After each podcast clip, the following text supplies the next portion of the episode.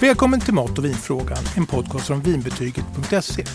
Idag har vi ett nytt specialavsnitt med det som vi kallar för snabba vintipset. Eller hur Kristoffer? Jajamän. Det här är ju till exempel för dig som vill ha ett snabbt tips på f- typ fem minuter när man kanske är på väg till Systembolaget. Det är fredag eftermiddag om man har panik. och idag så har vi fått en lyssnarfråga från Johanna och hon undrar om vi har ett vintips till pasta salsiccia. Ja, det har vi. Salsiccia får man väl ändå säga det är en klassisk italiensk rätt. Va? Och den är enkel och bra och, och man kan göra den eh, lite lyxig eller lite vardaglig som man vill. Och salsiccia det betyder ju rätt och slätt korv på italienska. Ja, Om man okej, undrar. ja. ja. Så det är redigt liksom. D- Det är vad det heter. Mm.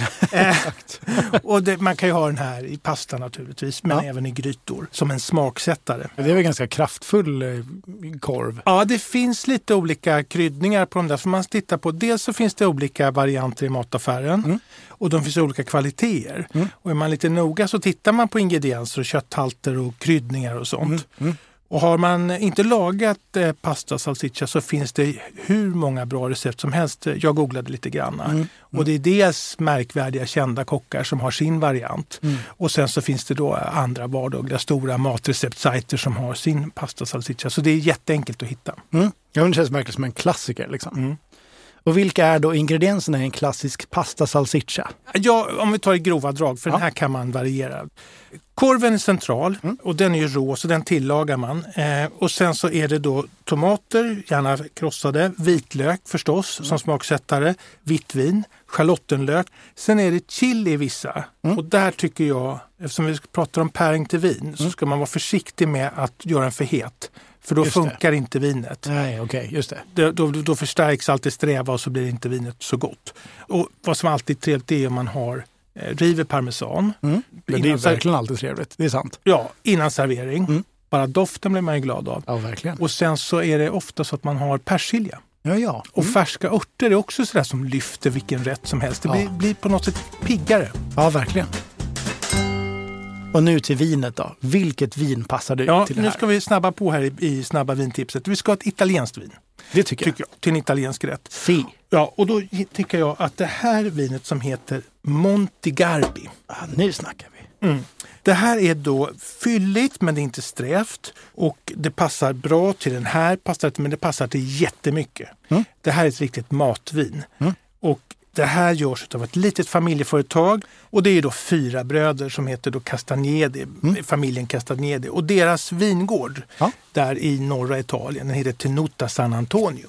Men själva vinet heter Monte Garbi. Just. Och det finns på topplistorna på vinbetyg.se. Ja, och det har väldigt fina betyg så vi ligger högt upp. Och eh, det är en ripasso.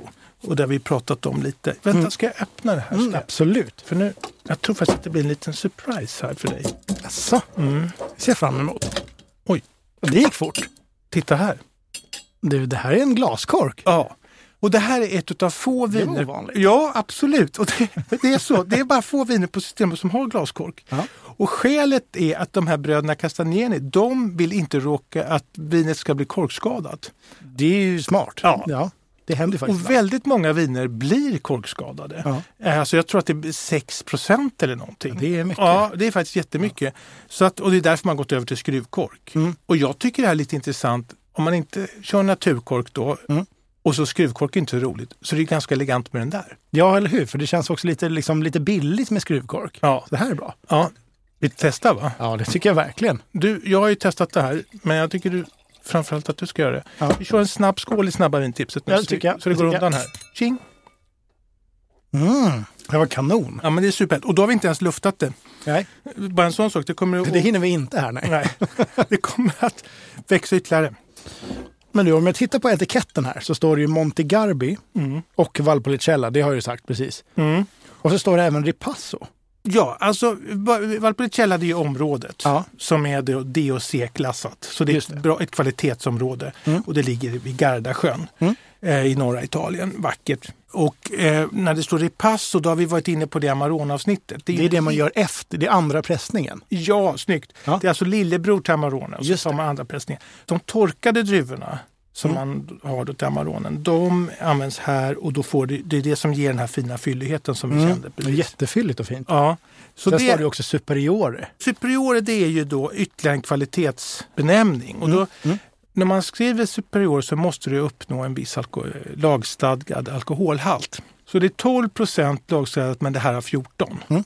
Och sen så är det så att det här har lagringsregler också så det är minst ett år. Okej. Så det här är lagrat på flaska ett år så det är härligt färdigt eh, att dricka liksom. Man behöver inte hålla på och vänta. Och vad kostar det här vinet? Ja, men jag tycker jag har ett kanonpris. Det kostar 128 kronor. Ja, det är som hittat. Och jag hade en middag för några år sedan med kompisar och så hade jag hällt upp vin i glaset för att det skulle lufta som jag brukar. Och sen så satte sig alla till bords och sen så tog ja, och smakade på vin och sen bara wow. Och då är det en kille där som verkligen kan viner och dricker fina viner och sen så här, ja ah, men det här är fantastiskt, Stefan, vad kostar det här? Och när jag berättade så här, det är inte möjligt, det är inte möjligt. så det är väldigt prisvärt. Ja. Och, och sen är det ganska roligt va, att det här finns ju också i en sån. Nej, men en liten gullig, heter det halvflaska? Ja, en halvflaska. Har den också glaskork? Nej, det har den inte, men, men det är samma Den är goda okej innehåll. ändå. ja, den är okej ändå. Ja. Visst ser den trevlig ut? Ja, den ser jättetrevlig ut. På något sätt så blir det härligt när den är liten. Ja. Och den här den kostar då 72. Men Systembolaget har gjort det enkelt. Då. Stora 128, den där 72 och sen så har de ju som tur är samma artikelnummer. Det är smart. Ja, och det är 5328. Fyrsiffrigt. Perfekt. Det gillar vi. Ja. Johanna, lycka till nu med din eh, salsiccia-middag och med vinet och hoppas att du gillar Montegarbi. Exakt. Se till att lyssna på det här nu innan du hinner fram till Systembolaget. Vi hörs snart igen. Tack för att ni har lyssnat. Hej då! Hej då! Har du frågor om mat och vin? Alla frågor är välkomna. Mejla till mig på stefanvinbetyget.se